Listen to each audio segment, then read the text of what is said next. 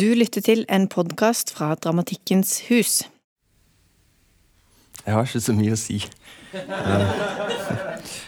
um, men vi har jo god tid, så å si det litt sakte.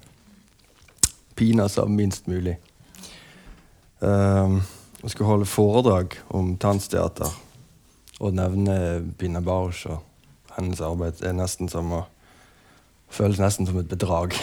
For hun var fint lite glad i å si noen ting om arbeidene sine.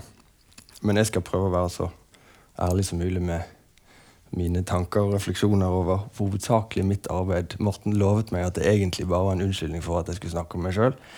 Uh, eh, hvilket jeg har delte følelser om også. Um, dere får unnskylde at jeg leser. Jeg har liksom prøvd å skrive uten noen tanker, og så går jeg sikkert tom sånn halvveis. Uh, nå skal vi se. Min mor pleier alltid å si 'snakk som du har vett til', som jeg pleier å oversette til 'talk about what you know' når jeg snakker i utlandet. Uh, og sannheten er at jeg vet veldig lite om dansteater. Um, til tross for at det er en merkelapp som jeg har fått, eh, eller som jeg har støtt på ganske ofte etter at jeg begynte å lage forestillinger at det at det som jeg har laget, ikke nødvendigvis er dans eller teater, men danseteater. Hvilket jeg ikke vet om helt stemmer, eller om det er noe forskjell, egentlig. Kan du nevne for ordens skyld, og da må dere unnskylde meg, det er litt sånn gammelt triks at man skal lese fra Wikipedia. Men uh, jeg gjør det likevel. The German Dance Theater, dance theater grew out of German expressionist dance in Weimar, Germany, and 1920s Vienna. The term first appears around 1927 to identify our particular style of dance emerging from within the new forms of expressionist, expressionist dance developing in Central Europe since 1917. Its main exponents include Rudolf Laban, Kurt Jooss, and Mary Wigman.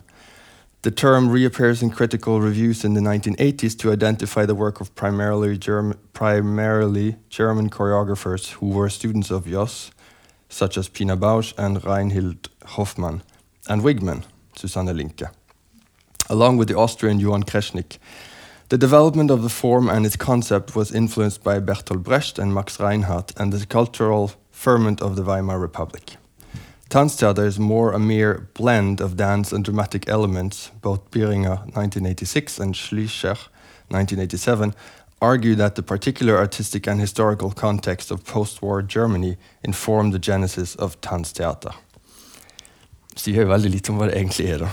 Um, hvis dette var en kulturrådssøknad, så hadde jeg uh, anbefalt søkeren å fortelle litt om hvordan, hva man kan uh, komme til å se på scenen. Men neste treff på internettet er bedre. The most universal definition that the term Tanztheater, dance theater, brings to mind is the union of genuine dance and theatrical methods of stage performance, creating a new, unique dance form, especially in Germany, which, in contrast to classical ballet, distinguishes itself through an intended reference to reality. Og Det syns jeg var litt interessant, og det vekket litt gjenklang. Um, og det er jo noe som uh, man uh, stadig støter på når man snakker om eller treffer de som har hatt opplevelser med dansteater og Pina Bausch, at det handler om virkeligheten og noe ektefølt, autentisk. Kom litt tilbake til det etterpå. Men det sterkeste for meg, kanskje, og det vet jeg ikke når jeg lærte, det er at lyden av Tannsteater, det er denne.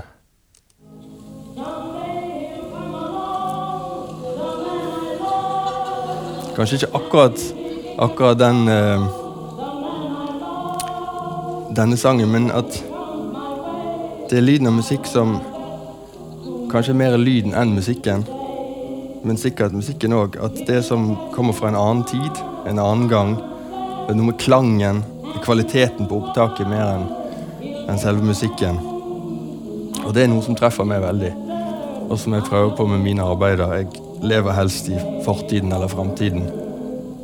Alt det vonde som har hendt, det er vakkert. Og alt det som skal komme, det er en glede. Og det er veldig fint. Um,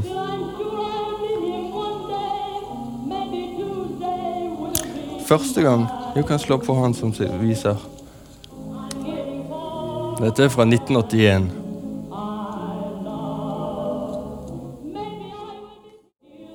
Jeg er ikke så veldig god på internett. Um, jeg søker veldig sjelden aktivt opp referanser. Jeg liker å bruke de som jeg allerede har fått, sånn tilfeldig. Um, dette videoklippet og alle de som jeg har tenkt å vise hvis jeg husker å trykke på rett knapp, det er fra en DVD som jeg har rippet, som jeg fikk av en uh, filmkritiker fra The Village Voice. Og hun bedyret at når hun hørte at jeg skulle koreografere for Dansteater Wuppertal, så måtte jeg se denne filmen. Og det er en film fra, Den anbefaler jeg for det sterkeste til de som kom hvis de trodde at de skulle få vite mye om tannsteater. Kanskje alle har sett den allerede. Som jeg sa, jeg er ikke så god på internett. Men uh, det er Chantal Ackermann sin uh, dokumentar fra 1983. Um, første gang jeg ble fortalt om Pina Bausch og Tannstad Wuppertal, var i 1998 i et lite rom med buede vinduer i det som framsto som et ombygget containerkontor, hvis det finnes noe slikt. Eh, der satt Roy Lee Jonassen og foreleste, eller han satt vel helst og snakket med oss, bare sånn som jeg gjør nå, om dansehistorie for ettårselever i førsteårselever i dans på det i dag som kalles Kunsthøgskolen i Oslo. Han viste klipp, små klipp. Um, i dag ville jeg kanskje beskrevet det som snutter fra YouTubens barndommen, små og kornete. Men disse kom ikke fra internett. De var på VHS. Og dette var det som jeg fikk se. Jeg syns det var merkelig. Jeg forsto ingenting. Jeg ble kanskje litt forulempet til og med av at han presenterte det som dans. Jeg var veldig opptatt av uh, hva de hadde på seg. Jeg syns de liksom rare bartene fra, fra 70-tallet det var liksom upassende. Uh, og jeg kanskje husker meg sjøl som en veldig sånn, prippen ung danser. Og nå har jeg lyst til å snakke veldig mye om uh, min fortid og sånt, for å forklare og bekrefte og bevise at jeg var egentlig ganske open-minded og hadde masse sterk forståelse av scenekunsten. Men jeg skal ikke spore av ennå. Um, men kanskje viktigst i min litt sånn uopplyste oppfatning av det jeg så, var at uh, jeg avskrev det ikke for, som ikke være dans. Til tross for at de bare danser, og kun det. Det er danseteater, Tansteater Wuppertal, altså danser Nelken fra 1983 i Palais de Papp. Så De var så til Toast av Avignon. Og i 1998 så visste jeg likte lite hva Avignon var, eller representerte som Tansteater Wuppertal. Um, den andre gangen jeg hørte om Tansteater Wuppertal, var når jeg jobbet i Köln. Jeg danset som, uh, for Amanda Miller i 2005. Og kollegaen min tok toget til Wuppertal for å se Tannsteater. Jeg ble ikke med. Trodde kanskje det ville bli litt kjedelig. Uh, tredje gang jeg hørte om Tannsteater Wuppertal, var for Andrew Whale. Og Andrew og jeg har jobbet tett sammen, skrevet sammen i mange år. Um, og det var, Da satt vi i gamle, gamle møbler i dype lenestoler med litt sånn sterke fjærer i setet. I forstuen til 100 Sackwell Road, som et lite engelsk hus i Brighton. Og Da er klokken blitt 2010. Det er syv år siden. Han fortalte om når han jobbet i Tyskland på 90-tallet. Om hvordan han tok toget til Wuppertal for å se forestillinger. At det var virkeligheten på scenen. Og du kunne se at han mente det. altså Øynene lyste. Så viste han et kornete lite klipp. Denne gangen var det DVD. Kontakthoff fra 1980. Han hadde helt rett. Det var virkeligheten. Teppet går opp, og så er scenen et stort forsamlingslokale. Og det er kjempeflott. Lyset flammer inn fra store vinduer, og de danser fremdeles. Nå vet jeg hvor det, hva det forsamlingslokalet er basert på. Det er en gammel, nedlagt kino som de jobber i, i Wuppertal, som eh, heter Lichtburg. Og det er ingen vinduer, og veggene er polstret. Og det er en liten scene, og det ser i grunnen litt ut som det er forsamlingslokalet med en liten kant opp og der legger de klærne sine når de skifter. De har ingen garderober. Det har ikke skjedd noen ting der siden de kom inn der i 1980. Så det ser sånn ut fremdeles. Ikke akkurat sånn, men veldig likt. Bak veggen på maskinrommet der maskinrommet en gang var, er, kjøk er kjøkkenet til McDonald's. Det var det i 1980 når de kom inn, og det er det ennå. På gitte tidspunkt så lukter man litt sånn sterk emmen-frityr. Uh, og Pina Bauer spiste gladelig cheeseburgere til lunsj, til de som syns det er liksom gøy å vite. Um, jeg kjente at når jeg ble fortalt det, da tenkte jeg at da var det liksom greit å gjøre det samme. Um, Pina bodde hele livet i den samme lille leiligheten. Sitt voksenliv. Hun tok drosje mye og spiste disse cheeseburgerne, og hun røykte. Hun sa hun ikke ville forstyrres fra arbeidet, at det var grunnen til at hun aldri takket ja til å bo i New York og Paris og alle de stedene som ville gi henne en base. Når drosjesjåføren spurte hvorfor hun ikke forlot Wuppertal, så sa hun 'because of the ghosts'. Den fjerde gangen, og jeg vet ikke om jeg dikta dette, eller om det var sånn det skjedde Jeg husker at det var regnvåte fliser utenfor Operaen her i Oslo. Jeg hadde telefonen i hånden utenfor sceneinngangen. Det var kveld, og jeg fikk melding, eller jeg leste at Adolfe Binder, som var den foranværende kunstnerisk leder for Göteborgsoperaen Dansekompani, der jeg har laget to store produksjoner, har blitt ny intendant, kunstnerisk og administrativ sjef for Tannsteater Wuppertal. Så nå forsto jeg hva hun mente når hun sa 'hold av sesongen 18-19'. I'm planning something big. Um, så tenkte jeg kanskje skulle, som en liten overgang, vise en liten trailer for en sånn short showreel for mine egne forestillinger. Det tar ca. fem minutter. Så det tar litt tid, men uh, det var vanskelig å velge ut. Uh, ja.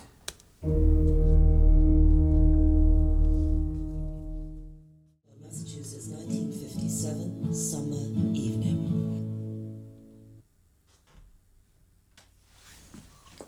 ja.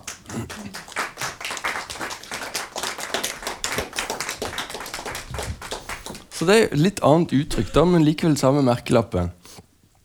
Sikkert noen fellestrekk òg, men uh, ja, i hvert fall blanding av teater og dans. da. Men så prøvde jeg å finne ut hva som, hva som kunne være bakgrunnen for at, at jeg fikk den merkelappen dans, tansteater. Jeg må finne ut hvor, uh, hvor jeg var i teksten. Jo, ja, altså. Uh, mest sannsynlig fordi at jeg bruker tekst i forestillingene. Hvilket Pina Bausch også gjør, men ikke nødvendigvis. Um, at jeg benyttet uh, altså Når man bruker ordet på scenen, så blir det umiddelbart oppfattet som teater. Og det er litt sånn rart i grunnen at det er der skillet går. Men uh, når det er en ordløs forestilling, så er det dans. Selv om det ikke danses. Og her skiller jeg gjerne mellom dans og bevegelse.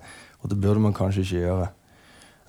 Hvis man det ikke gjør, så trenger man da å skille mellom dans og teater. Merkelappen er kanskje det vanskeligste av alt, fordi det ofte kan forekomme feilmerking.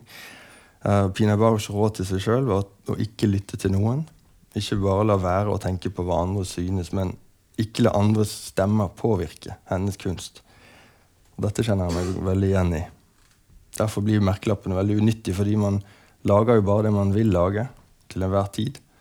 Og dette er noe av grunnen til at jeg opplever i hvert fall at jeg veldig ofte har vært på feil tid til feil sted. Feil sted til feil tid. Ja. Uh, med, med, dans på teater og teater på dans. Nå snakker jeg gjerne om, uh, om arena, da. Um, og det er vanskelig å tenke dette ut, for det er som om alle tankene sitter fast i samme knute, og alt handler om det samme, om forståelse og oppfattelsen av hva man gjør. Og kontroverser, eller mangelen på den. Og jeg har opplevd mange kontroverser, og opplever de stadighet. Så jeg vil snakke litt om dette. Og det, jeg vet ikke om det ble med i den teksten til slutt. Men det som jeg kaller for kunstnerisk promiskuøsitet. Og dette blir en liten digresjon, og det håper jeg er greit at dere syns er relevant. For det oppleves litt sånn mm, at man er kunstnerisk promiskuøs når man går fra én arena til en annen. Fra ett uttrykk, én tradisjon, til en annen. Mellom sjanger og kunstfag, og ikke minst fra ingen institusjon til en institusjon. Eller fra én institusjon til en annen. For eksempel, allerede når jeg i 2001 gikk ut fra Kunsthøgskolen i Oslo. Merk hvordan jeg sier Kunsthøgskolen i Oslo. og Det tenkte jeg skulle avsløre. Det, det tror det dreier seg om litt forfengelighet. For det het egentlig Statens balletthøgskole den gangen jeg gikk der. Men jeg syns det var en grusom tittel selv den gangen. Um, balla. Gå på balla. Um, og jeg var samtidig med koreografstudentene Homan Sharifi og Henriette Pedersen. Så selv om jeg gikk på den såkalte danselinjen, for ordens skyld med hovedfag i moderne dans. Det betydde én time mer i moderne dans enn i klassisk ballett den gangen. Så ble vi gode venner uh, og jobbet delvis tett sammen med koreografistudentene i de to årene som vi overlappet. Og jeg var veldig delaktig i arbeidet med med forestillingstekster og søknadstekster for både Homan og Henriette. Så jeg ble kanskje oppfattet som en veldig ikke-dansende danser. Hvis noen syns det er vanskelig med disse begrepene, så kan du jo rekke opp hånden etterpå og be meg utdype. Um, men så når jeg da takket ja til aspirantplass i Carte Blanche, så opplevde jeg en viss skuffelse og uforståelse blant de etablerte frilanserne. Det var et kontroversielt lederskifte i Carte Blanche den gangen, og forventningen til at det nå skulle bli et dansekompani med strek under ordet dans, kanskje mindre danseteater enn bare dans. Og skulle jeg være en del av dette? Bare dans, liksom. Men jeg ville jo danse. Jeg hadde jo brukt tre år på å lære det. Um, det var den første kontroversen. Jeg forlot liksom det intellektuelle scenekunstfeltet for å jobbe med kommersiell dans. Det kjente jeg ganske sterkt på. Uh, en annen sånn liten anekdote om merkelapp på forventninger, hvis jeg får lov til det, um, var jo oktober den i 2004. Da var jeg i gang med forberedelsen til min aller første soloforestilling. Ja, da kan man jo spørre seg om det var en danseforestilling eller en monologforestilling. Det var 40 sider tekst, og så improviserte jeg litt. Um, men dette var en måned før premiere, så jeg hadde ikke så mye å vise fram under den såkalte Work in Progress på Oktoberdans for et lite offentlig publikum, inklusiv programmatører fra Belgia og Nederland. Så jeg skulle liksom tøyse litt over hvor tomhendt jeg var. Sa de sånn I don't have much, but I have a wireless mic and a laptop on stage, so uh, it's already a contemporary dance performance, but don't worry, I'm not gonna take my clothes off. Og så ble jeg da etterpå frarådet å komme med den slags uttalelser. Um, for det kunne lett misforstås. Og da vil jeg gjerne føre til protokoll så det ikke var Svein Åge i Bergen som sa dette. Men uh, det var likevel en alvorlig uh, kommentar jeg fikk. Og jeg visste jo ikke at Simon Dove, som satt der, og nettopp hadde programmert uh, Utrecht-festivalen, hvor nesten utelukkende forestillinger hadde nakne mennesker på scenen. Um, senere har jeg produsert teater på dansefestival, hvilket var feil, men ble godt mottatt. Men da hadde jeg produsert på Dansens Hus, noe jeg syntes var kjempestas, for det var jo flott, stor scene. Men da hører man ikke lenger hjemme på Blackbox. Og så er jeg huskoreograf. det, det høres ut som en sånn nisse. Så bare legge til at Man kaller det associated artist på engelsk, og at jeg ikke er ansatt. Det er også mange som tror at jeg, at jeg får penger fra operaen, men det er en uh, associated artist. Og det er jo fantastisk privilegium, men det må man også passe for å nevne for tidlig i enkelte sammenhenger. Fordi konnotasjonene til ballett og høykunst skaper forventninger og merkelapper som åpner, men også stenger dører. Jeg blir veldig glad når publikum kommer ut fra våre forestillinger på operaen og sier at de aldri ville forventet å se denne type arbeid i konteksten av et operahus. Så da må jeg rette lite takk til Ingrid Lorentzen, som er veldig åpen og tillitsfull til alt vi måtte finne på. Men hvis han tror det er vanskelig å få publikum fra Blackbox til monolog på Teater for Operaen, så kan man jo forestille seg hvor vanskelig det er å få Nationaltheatret til å komme på besøk. Så Derfor er det ofte forventninger om hvem man er som er basert på en merkelapp som blir sannheten. Jeg er utdannet danser, derfor lager jeg fysisk teater, selv om jeg aldri har gitt en skuespiller en fysisk instrukser. Jeg, jeg har jo ikke introdusert meg selv ordentlig, men jeg begynte som danser. og så Det var utdannelsen, og så begynte jeg å koreografere. Og så har jeg brukt tekst i forestillingene. Og så har jeg jobbet med skuespillere. Nesten utelukkende Nei, det er ikke sant, men i veldig stor grad for mine egne forestillinger. Jeg har støtte fra Norsk kulturråd. Og så har jeg de senere årene fått gjøre bestillingsverk for dansekompanier. Eller det har egentlig pågått lenge, men de siste årene også regioppgaver ved institusjonsteatret. Her i Wien og andre steder. Um, ja Snakke om, snakke om, hvordan du jobber. Ja, det er kanskje forskjellig. Um, vel, ja, det er ganske forskjellig. Jeg jobber veldig forskjellig. Og det er fordi at jeg prøver å ta utgangspunkt i de som er foran meg. Og det er også å gi litt sånn gjenklang i de eh, intervjuene som jeg har prøvd å få tak i av Pina Bausch. Um, og kanskje da prøver jeg å ta utgangspunkt i erfaringen til de som står foran meg, heller enn forventningene. Og de har som oftest mer erfaring enn meg sjøl, og det er jeg veldig fortrolig med. Um, så prosessen er ganske annerledes fra tid til annen. Mm. Med teater så kommer som oftest teksten før. Og da mener jeg ikke teaterteater, men også det teateret som Jeg må bare drikke vann, jeg blir så tørr. Men det teateret som, eh, som vi lager med Winter Guest, som er navnet på mitt kompani. Og Der har vi prøvd forskjellige måter i utvikling av selve sceneteksten. Alt fra å å ha samtaler med utøvere på forhånd og basere manus på det. Eller basere det på opptak av direkte samtaler. Eller skrive det fra scratch, som en hvilken som helst annen manusforfatter. Men alltid, alltid er manus veldig viktig for oss. hadde blitt. Alt skal være veldig scriptet. Og det er som oftest ikke før vi har manus på plass, at vi går i gang med å prøve. Vi begynner liksom det som man kaller for devising. sånn som vi syns er veldig kjekt å, å bruke. Men jeg vet ikke helt hva det betyr, eller om vi får det til helt. Eller sånn flat struktur hvor man jobber i stor gruppe. Vi prøvde litt av og til. Det fungerer ikke, for det tar for lang tid. Og vi har som oftest veldig liten tid på oss uh, når vi lager disse forestillingene. Um, mens når man jobber med danseforestilling, for eksempel, så kommer man jo inn i et rom nærmest tomhendt og står foran en gruppe mennesker omtrent sånn som dere nå. Kanskje ikke fullt så mange alltid. Um, kanskje med tema, men det er ikke sikkert man har det engang. Og så begynner man bare å jobbe, og så bygger man ting sammen. Og det syns jeg er ganske fint. Og det er en stor frihet. Og det er kanskje det Jeg pleier ofte å si at samt, samtidsdans det er liksom litt av det som er både gøy og litt handikappet med det. At du vet liksom aldri hva du får når du kommer og setter deg i salen. Derfor er det veldig mange som ikke kommer tilbake neste torsdag. Um, og det, det gjør jeg sjelden sjøl òg. Altså, det er lett å ikke komme tilbake. Da. At anything goes. Og det er jo også det fine. Og den friheten er kanskje tilkjempet av Tansteater eh. Det er liksom en liten teori fra meg, da. Um, ja, dette har jeg sagt. Ja. Viktig med manus. Improvisasjon er et uttrykk, ikke en form, skriver jeg. Og Det vet jeg ikke helt hva det betyr. Det er vel fordi at vi driver jo også og leter etter dette ekte, ektefølte og autentiske, men vi ønsker likevel å ha kontroll over det. Men da er det vel bare gammeldags teater, da. Jeg vet ikke. Alle vil jo at det skal framstå ekte. Um, Snakke om problemstillinger rundt å bruke ord og bevegelse. Om det gjør det til dans og teater. ja, jo. Jeg syns det er vanskelig. Um, hvis man lager dans, hvorfor skal man da snakke? Og hvis man har tekst, hvorfor skal man bruke bevegelse? Og det første skrittet er ofte synes jeg, fryktelig vanskelig. Og uh, når man er midt i prosessen med teater, så skulle man ønske at man kunne bare jobbet med dans hvor det ikke betyr noen ting. Og når man jobber med dans, så sier man at gud, kunne ikke vi hatt et manus så vi hadde visst hva vi holdt på med. Så det blir liksom aldri helt greit det der. Å sette det sammen er det vanskeligste. Men hvis jeg kan prøve å koke det ned til hva som jeg syns fungerer best, da, så syns jeg at det fysiske uttrykket fungerer best på undertekst. Det kan ofte bli banalt hvis man prøver å gjøre ting én til én.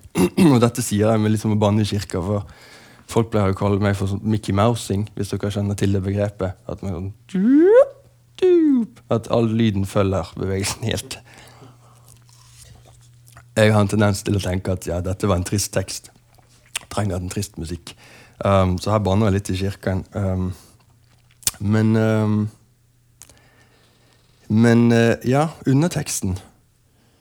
Jeg er også veldig glad i å bli presentert for sceneanvisninger når jeg sitter og hører på en, en teaterforestilling. det er de som gjør det. Jeg har prøvd å gjøre det sjøl. Når man følger med på minst to ting samtidig. Og Hvis man utvikler disse tingene parallelt, altså dansen og teksten, så får man gjerne biter som passer sammen. Det syns jeg er interessant. Og Her vil jeg komme med et eksempel. Og Det var fra en forestilling som jeg gjorde i 2015 på Göteborg-operaen. Som het If We Shadows Have Offended. Som sikkert noen av dere plukker opp fra. Epilogen til Puck fra 'Midtsommernattsdrømmen', som handlet om eh, Peter Pan-komplekset, hadde vi valgt oss ut. Altså voksne mennesker på 37 og et halvt år som kjører, kjører skateboard og eh, ikke vil vokse opp. Så, så det var det vi drev og skulle ha som et tema. da. Og da snakket vi mye om oppvekst, og jeg ba danserne komme med skildringer fra en dag i deres liv. På første prøvedag, og det var helt fantastisk. De skrev noen nydelige essay. altså. De var dyktige. Um, gode tekstforfattere, alle sammen. Um, så det var altfor mye å ta i. Men en kommentar fra en av disse tekstene var en, en uh, danser som hadde hatt en mor som ommøblerte. Han hadde hatt litt sånn traumatisk eh, domestic disturbance-situasjon hjemme med mye krangling og sånn, og en mor som ommøblerte. Og akkurat det kjente jeg litt igjen. Så jeg tok tak i det. Da skrev jeg en fire replikkers fire linjer, kanskje her. Og samtidig så hadde vi utviklet en trio, nærmest litt sånn fra scratch, som handlet om manipulering. Det var en danser som hadde laget et solomateriale som vi plasserte to dukkeførere på. Og så prøvde vi å dytte dette sammen, og da, vi, da hadde vi fire linjer som var Mom, what are you doing? I'm redecorating. I wish you wouldn't. Sweetheart, I'm just rearranging the furniture. Nothing really changes. You're just rearranging the furniture. Nothing really changes. Nothing's really changing. It all stays the same. What are you talking about? This is nothing like it was. The living room is in the dining room, Pumpkin. It'll be perfect, you'll see.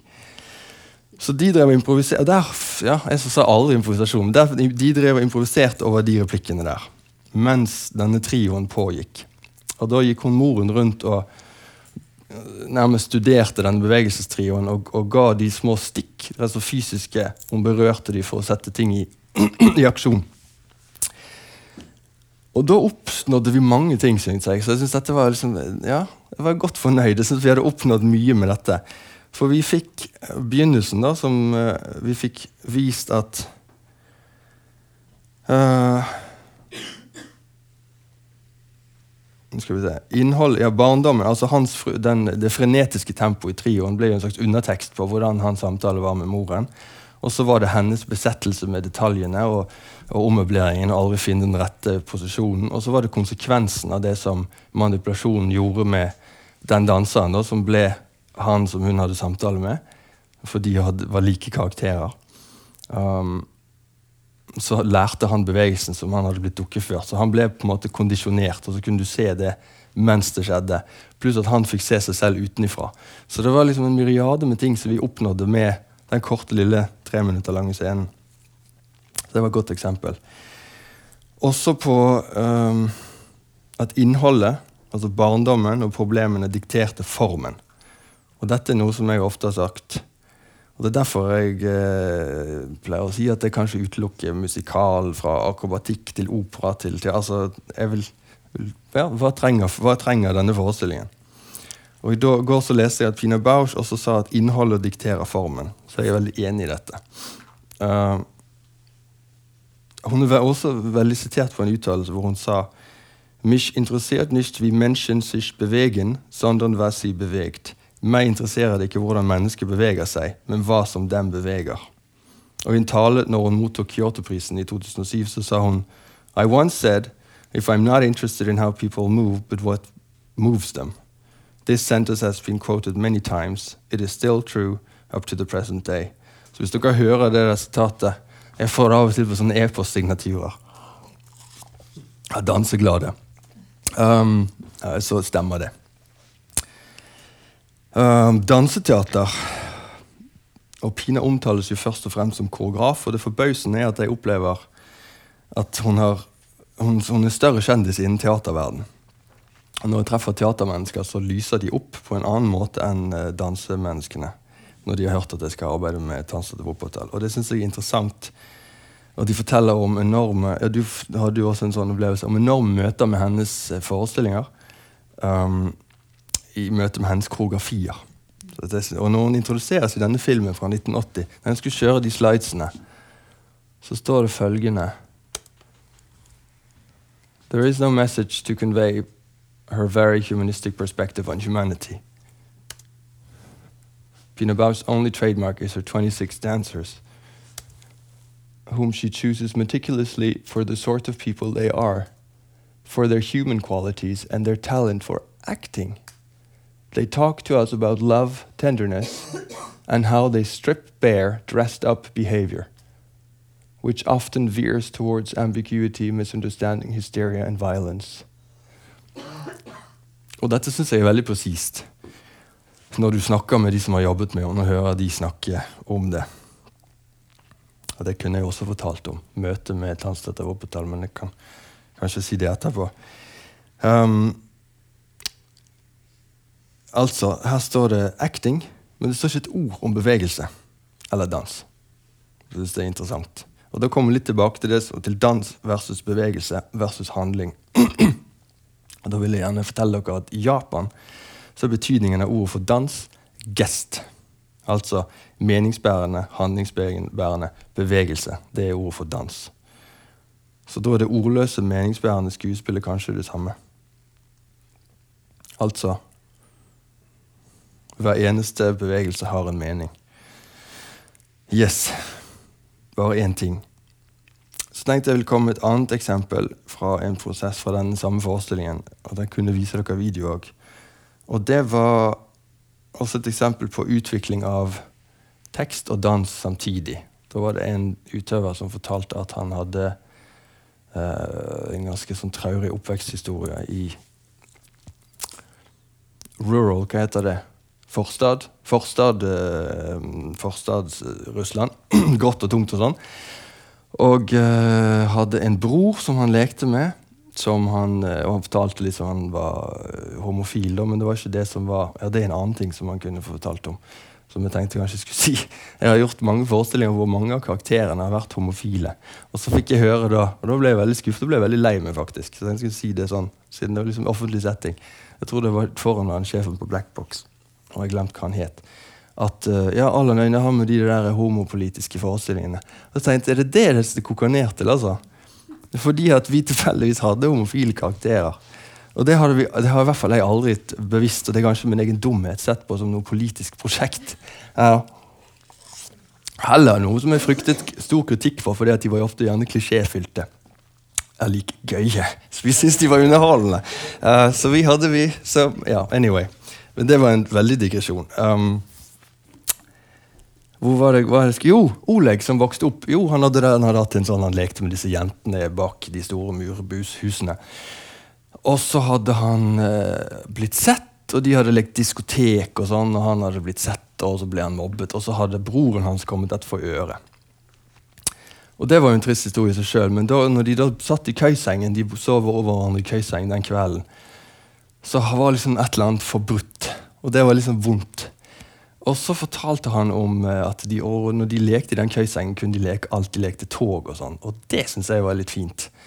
Så da tente jeg liksom på den ene replikken om det tog. Så sa jeg kanskje du prøver å utvikle da en Velg en av danserne. Så plukket han Jan. Eh, så dere en, eh, utvikler dere en koreografi på dette her. Leke tog med din bror. Og da begynte de, og det er apropos én til én, det var litt for mye én til én selv for meg. fordi at uansett hvor mye de utviklet, så ble det barn som lekte. Han gikk hodestups inn i det. Og valgte, vi hadde bare stoler som, uh, som um, uh, scenografi.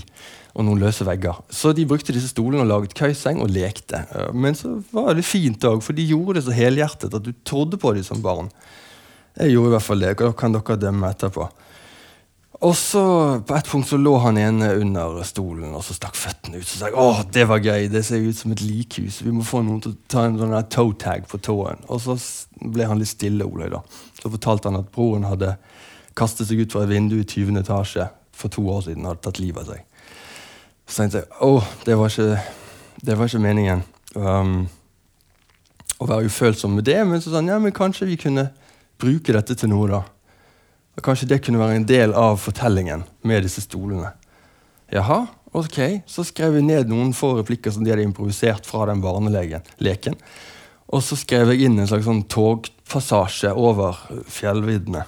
Sikkert Bergensbanen, siden jeg kommer derfra. Hvor det ble veldig kaldt i kupeen. Så kan dere vise dere den lille scenen. Ja, den er også litt lang. Eller fem minutter. And that's fine too. Then we Ja.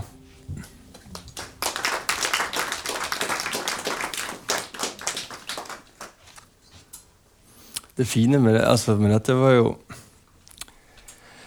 Som jeg syns er fint å jobbe med noe sånt, det er at han Oleg delte jo noe helt vanvittig, liksom. Altså, uff, jeg syns det er trist.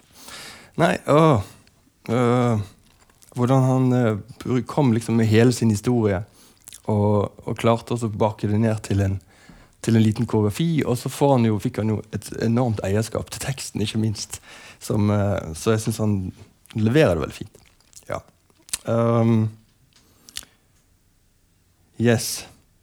Så det, jo, så det er et annerledes uttrykk enn Tanzia Wuppertal Pina Bausch. Men eh, kanskje utgangspunktet er det samme. Spørsmål om en historie, en fortelling, noe som danserne får veldig eierskap til. Komme tomhendt i møte med et tema og vente.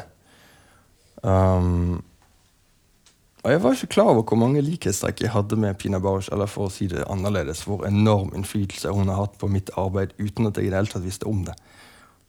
For når jeg tenker på Ina, Ina, Ina Kristel Johannessen sitt arbeid, hvordan vi jobbet med konkrete narrative bevegelser og alltid henvendt oss til publikum, uh, så kan jeg se for meg Karen Foss som improviserer med sånne uh, myke håndbevegelser. Ingen Bjørnsgaard som kommer litt til kort i mangel på ord. Uh, Non-acting, som jeg trodde var noe som hadde kommet fra Belgia.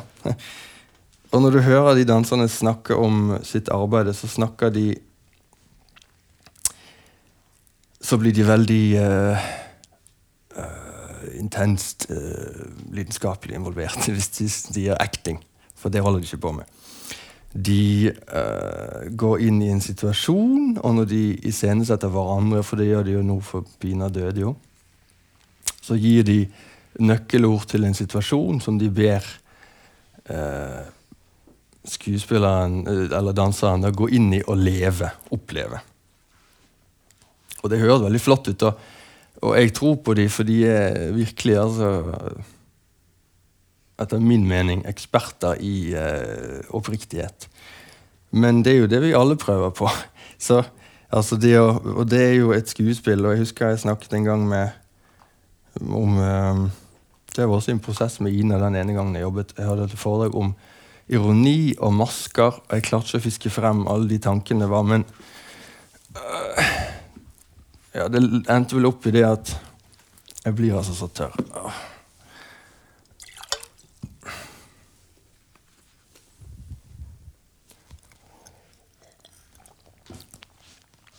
At øhm, det å være oppriktig, altså å ta vekk, blir i, i praksis en maske. Fordi at jeg tenker på personligheten vår som en løk, hvor vi bare skreller vekk og vekk og vekk, og blir bare en ny refleksjon av det mennesket eller den situasjonen vi står overfor. Um, og det snakker jo Pina Bausch alltid om. Det gjenkjennbare. The fantastic possibility we have on stage is that we might be able to do things that one is not allowed to do or cannot do in normal life. It is as if a certain knowledge returns to us, which we indeed always had, but which is not conscious and present. Yes. Og så har jeg masse sånne andre greier, men altså Kanskje det jeg, Hvis jeg vil gå tom for tid, hvis det er noen som har noen spørsmål, kanskje det er mer nyttig. Eller unyttig, alt ettersom. Da kan vi si takk til Adam så langt. Ja. Yes.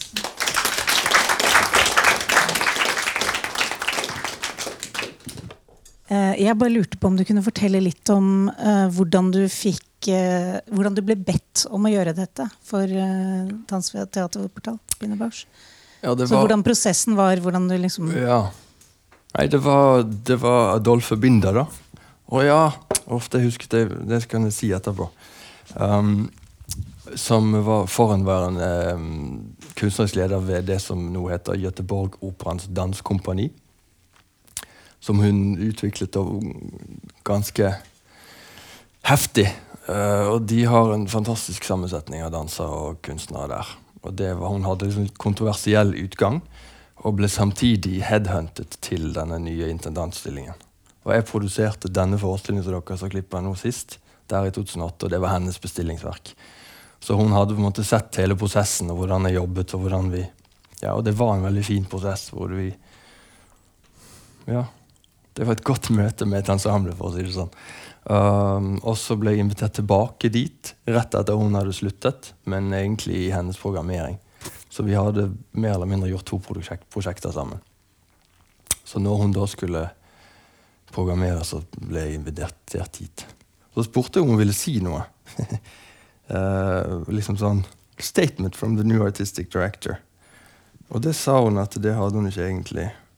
Uh, no such thing, really. Just describe my fantastic support and open-mindedness, and my intention to search and find voices for human condition. Og det er vel kanskje godt artikulert.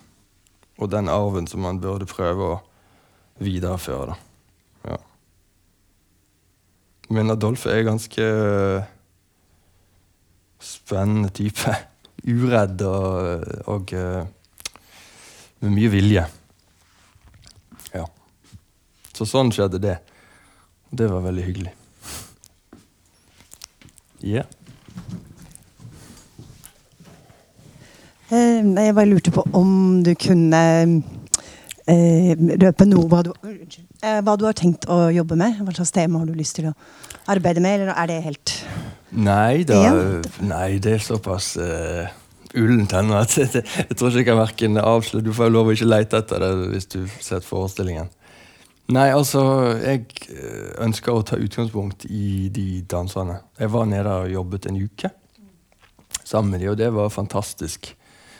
De var så utrolig sjenerøse og imøtekommende. Og kom inn med sin selvfølgelig i utgangspunktet litt skepsis, så vi begynte med å slett bare snakke sammen i tre dager. For jeg synes at jeg visste egentlig like lite om de som de visste om meg. Så det var fint å bli kjent. Og det forsto jeg jo at det var noe som egentlig ikke de hadde gjort heller. Sittet sånn i grupper og pratet sammen. Så allerede der kom det masse ting ut. Eh, og jeg tar notater. Det er litt sånn jeg jobber, men det er like Det er like lite konkret som hel, et helt kapittel om en historie fra den ene danseren som jeg kokte ned til at jeg valgte togturen, eller jeg valgte det at eh, moren likte å ommøblere. Og så setter jeg sammen et flettverk av det. Kanskje utfordringen er vel med den gjengen der fordi å ikke lage en Pina Bausch-forestilling, fordi at de er så veldig trent i å lage de forestillingene. Så det var nesten sånn at eh, etter tre dager så så spurte jeg om de ikke de kunne komme med en slags respons på det som vi hadde gjort. Og da ante jeg nesten ikke hva jeg gjorde, for da kom det altså, da hadde vi to dager hvor de kontinuerlig leverte hele forestillinga. Jeg følte at jeg så fire Pina Bausch-forestillinger i løpet av to dager. Uh, og det var fantastisk. De utviklet ting kreativt, fordi alt finner de i studio. De tar gafler og teiper sammen og kommer med en krone, og så har de en frem, fem minutter lang seremoni hvor de går som uh, Det var en installasjon med kleshenger som, som ble flyttet fra ett menneske til et annet, og masse tekster. Ekstremt sjenerøst. Og folk som ikke hadde lyst til liksom, som kom nærmest bort og hvisket. For det var også prosedyren med Pina. at det var liksom private hender og hun skrev ned i sin bok.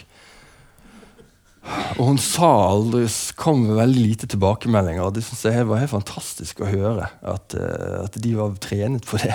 For det er det verste jeg vet som eh, instruktør. det at Hver gang vi sier stopp, så skal liksom jeg komme med en eller annen sannhet om det vi har holdt på med. Når man egentlig bare sitter og, tenker ok, sånn var det. Eh, jeg regner med jeg er ikke alene med å ha det sånn. eh, at man alltid skal si noe viktig om det. Og Noen ganger faller man ut, og noen ganger tenker man Gud hjelpe oss, dette går til helvete.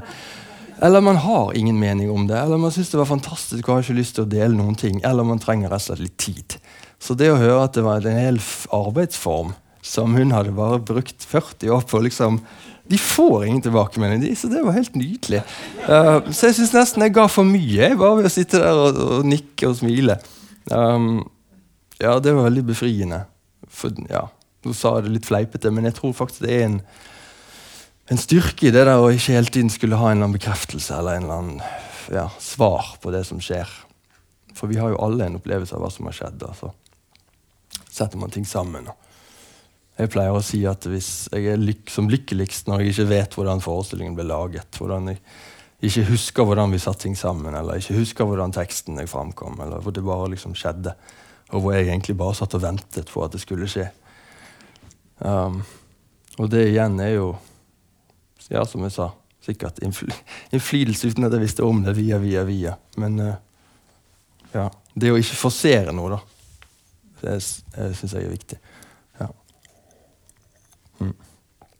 Jo, så temaet har ikke jeg eh, Jeg, kan, jeg har liksom ikke lyst til å si noe sånn tema, sånn bang. Men at uh, Som alltid skal ta utgangspunkt i deres fortellinger. Og så lage min egen da, ut av det. Ja, jeg tenkte på de forestillingene har laget om dere har laget om Jeg vet ikke om dere kaller det en trilogi, trilogi men Amerika-episodene. Ja, ja, ja. Eh, hvordan, var, hvordan var opptakten til de? For da hadde dere vel et tema før dere startet? Absolutt. Og de Å, gud, ja. Hvor mye tid har vi? Prøv å fatte det i korthet, men altså for Prosessene har vært så ulike med de forskjellige episodene. kalte vi det da, For vi tenkte vi kommer sikkert aldri bli ferdig med det prosjektet. Så da, hvis det var episoder, så kunne vi bare lage flere og flere. Men det var vel en triologi, ja. Um, utgangspunktet var at uh, at jeg skulle ville prøve meg på det såkalte politiske teatret. For det var jo sånn trend den gangen at uh, ting ble markedsført som politisk. Spesielt innenfor danse. Nå var dette i 2000 og, ja, midten av 2000-tallet. Uh, så tenkte jeg at all dans, eh, all forestilling er jo politisk. Um, så jeg skulle lage min egen. Uh, beklager hvis noen har hørt dette veldig mange ganger før. Jeg har sagt dette veldig mange ganger før, men jeg forteller det gjerne til deg. Så det var mitt svar. da. Jeg sendte inn en søknad til Kulturrådet om å gjøre en pro-Amerika-forestilling. Rett før eh, Obama kom inn. Så da var det en, litt sånn som nå. Åh, USA. Så tenkte vi skulle lage en sånn pro. Og så reiste vi ned dit og uh, samlet opptak av mennesker som vi egentlig ikke intervjuet, men som vi kom på snakk med. For å gjøre en lang historie kort. Og det var en lang prosess også med å få tak i de intervjuene. Og det ble en slags arbeidsmetode for oss som kompani som vi har fulgt opp i forskjellige, på forskjellige måter. da, i løpet av Men det vi også gjorde, vi skrev oss sjøl inn i handlingen. Hvis du har sett disse, noen av disse forestillingene, så ja. En av de. ja. Ok, Hvilken så du, da? Den siste. Den siste, ja. Ok. Ja, nettopp. Ja. Den siste ble utviklet ganske annerledes enn de to første. Uh, fordi at vi tenkte nå skal vi lage danseforestilling uh, for å gi oss den friheten at ikke vi må bli ferdig med det manuset. For det var så press. Um, det er også noe som jeg kjenner veldig igjen. Som Pina Bauch sier, at det er ikke gøy å lage forestilling, og hun forstår ikke hvorfor hun gjør det, og hver gang så gjør det vondt, og hun blir syk av det. Hun døde jo til slutt av kreft òg, så jeg tror faktisk at hun mente det. Um, det er vondt, og det er Ja. Jo, vi skulle frigjøre oss fra denne manus, eh, den narrative fortellingen. Vi ville ha et åpent manus, åpen narrativ. Så begynte vi da, og hadde vi også et utgangspunkt i et opphold i USA, hvor vi, hvor vi fant historier. Men som vi da ikke knyttet sammen, sånn som vi kanskje har gjort flere andre ganger, for å lage et forløp som henger sammen. Ja. Ulike perspektiver, da. Ulike perspektiver, ja. ja. Prøve å fange litt av hvor uh, tidsånden. Og når vi, Episode to, hvis noen så den, den var ekstremt litterær. Da hadde vi satt oss for, ja, for Første episode skrev vi som et screenplay. Hvor vi hadde sceneanvisninger, og hver scene begynte med innledningen på, på um, tid og sted. Andre eh, del av trilogien valgte vi å gjøre The Great American Novel om oss selv. Og da siktet vi etter sånne mørke fortellinger som Moby Dick, og vi laget en veldig sånn mørk, tung, superlitterær forestilling hvor vi nesten brukte all tiden på å lese. Men også i en sånn minimalistisk uh, iscenesettelse med abstrakt scenografi. Um, og da opplevde vi kanskje sånn uh, forventning og kanskje ønske fra folk at vi skulle ha liksom, kommentert Donald Trump. Og vi syntes vi hadde gjort det veldig ved å skrive hver eneste scene i sånn Twilight, og folk som sa oh, it's getting darker, it's getting colder. Uh, og prøvde å reflektere det politiske klimaet sånn. da. Men det var liksom det vi prøvde med de forskjellige, å ta litt tidsånden på. Og det er jo diametralt annerledes å dra der nå enn når vi laget den første, som var et litt sånn Å, så gøy det er med uh, at virkeligheten er sånn som på filmen, og folk er glad for at de har fått en ny president. Og så nå, hvor folk nærmest bare prøver å komme seg bort. Jeg bare lurte på det du sa om at innholdet dikterer formen. Ja. Om du har vært i en prosess hvor du merker at eh, jeg, trenger for, jeg trenger et annet format, eller jeg trenger et annet materiale, eller Eller hva du mener med det, om formen alltid er innenfor danseteaterformen din, eller er det sånn at du plutselig har vært i en situasjon hvor du tenker at dette materialet kunne faktisk blitt en opera eller en roman eller en, en Ja, altså Uten at det har fått en direkte konsekvens så stort som det, da, men det prosjektet som vi hadde i fjor, kunne kanskje vært den boken istedenfor forestillingen. Altså, no, jeg, jeg var veldig fornøyd med den forestillingen, uh, som etter det sagt. Uh, men vi var veldig fascinert av den skriveprosessen og det litterære aspektet ved det. Um, men det er klart, det er jo altså det, Man har jo begrenset Det handler gjerne mer på at man opplever Ja, her kunne det kanskje fungert i en annen setting. Eller at man tar vekk teksten fordi at her trengs bare dans, eller omvendt. Mm, ja. Vel- ja, men jeg, jeg jobber også veldig ofte med dogmer. For at vi skal, vi, hvor man bare må ta et valg. Man blir dyttet helt opp mot vei. Ok, jeg må bare gjøre noe. Vi skal, vi skal lage en forestilling. Den skal være seks timer, den skal være tre akter. Vi gjorde en sånn for et par år siden. Uh, og da hadde vi helt opp til prøvestart liksom dratt en sånn fet fisk. Til slutt så kalte vi for, tegnet vi fisk som plakat for, um, om hvor stort og fantastisk vi hadde fått skrevet musikk. Og alt var utviklet. Alt annet enn innholdet. Uh, opp til uh, hvor vi Ja, det er også en lang historie, men dagboknotater om at hvor vanskelig det var å skrive, ble delt til scenetekst. Men når det ikke egentlig var tenkt som det. mm, På et stadium hvor Kate Pendry sto på Festspillen i Bergen og leste fra manus. Og, og det var så flott. Og så var det bare den ene dagboksiden som hun leste, som var manus. Og dette var to uker før vi skulle begynne prøvene. Uh, og vi hadde seks uker, i underkant av seks uker på å sette opp de seks timene. Det anbefaler ingen. Uh, så Grunnen til at jeg kan stå så offentlig og snakke om det, er fordi at vi fikk fire Hedda-nominasjoner og, og vant for nettopp manuset. Og det var den største bøygen med det prosjektet. Men uh, ja. Men det igjen den, den der ventingen som jeg alltid som avfeid som en sånn prokrastinering. Og det er jo klart det er det det er, men det er også Jeg pleier å si at jeg syns det er vanskelig å velge. Uh, ikke fordi at det er vanskelig å velge den, men å skulle velge bort alt det andre, det er vanskelig. Å utelukke. Og Derfor også vanskelig å plukke opp én ting. Så vente så lenge som mulig til kanskje valget, valget blir tatt for en. Pga. andre parametere som man ikke styrer helt. Da blir det også mer spennende.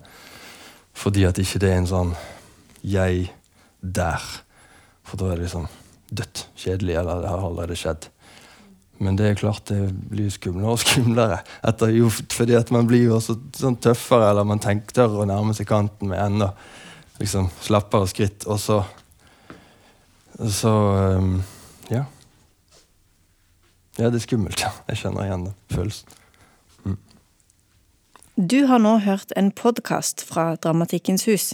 Har du lyst til å høre disse foredragene live? Sjekk ut våre hjemmesider dramatikkenshus.no.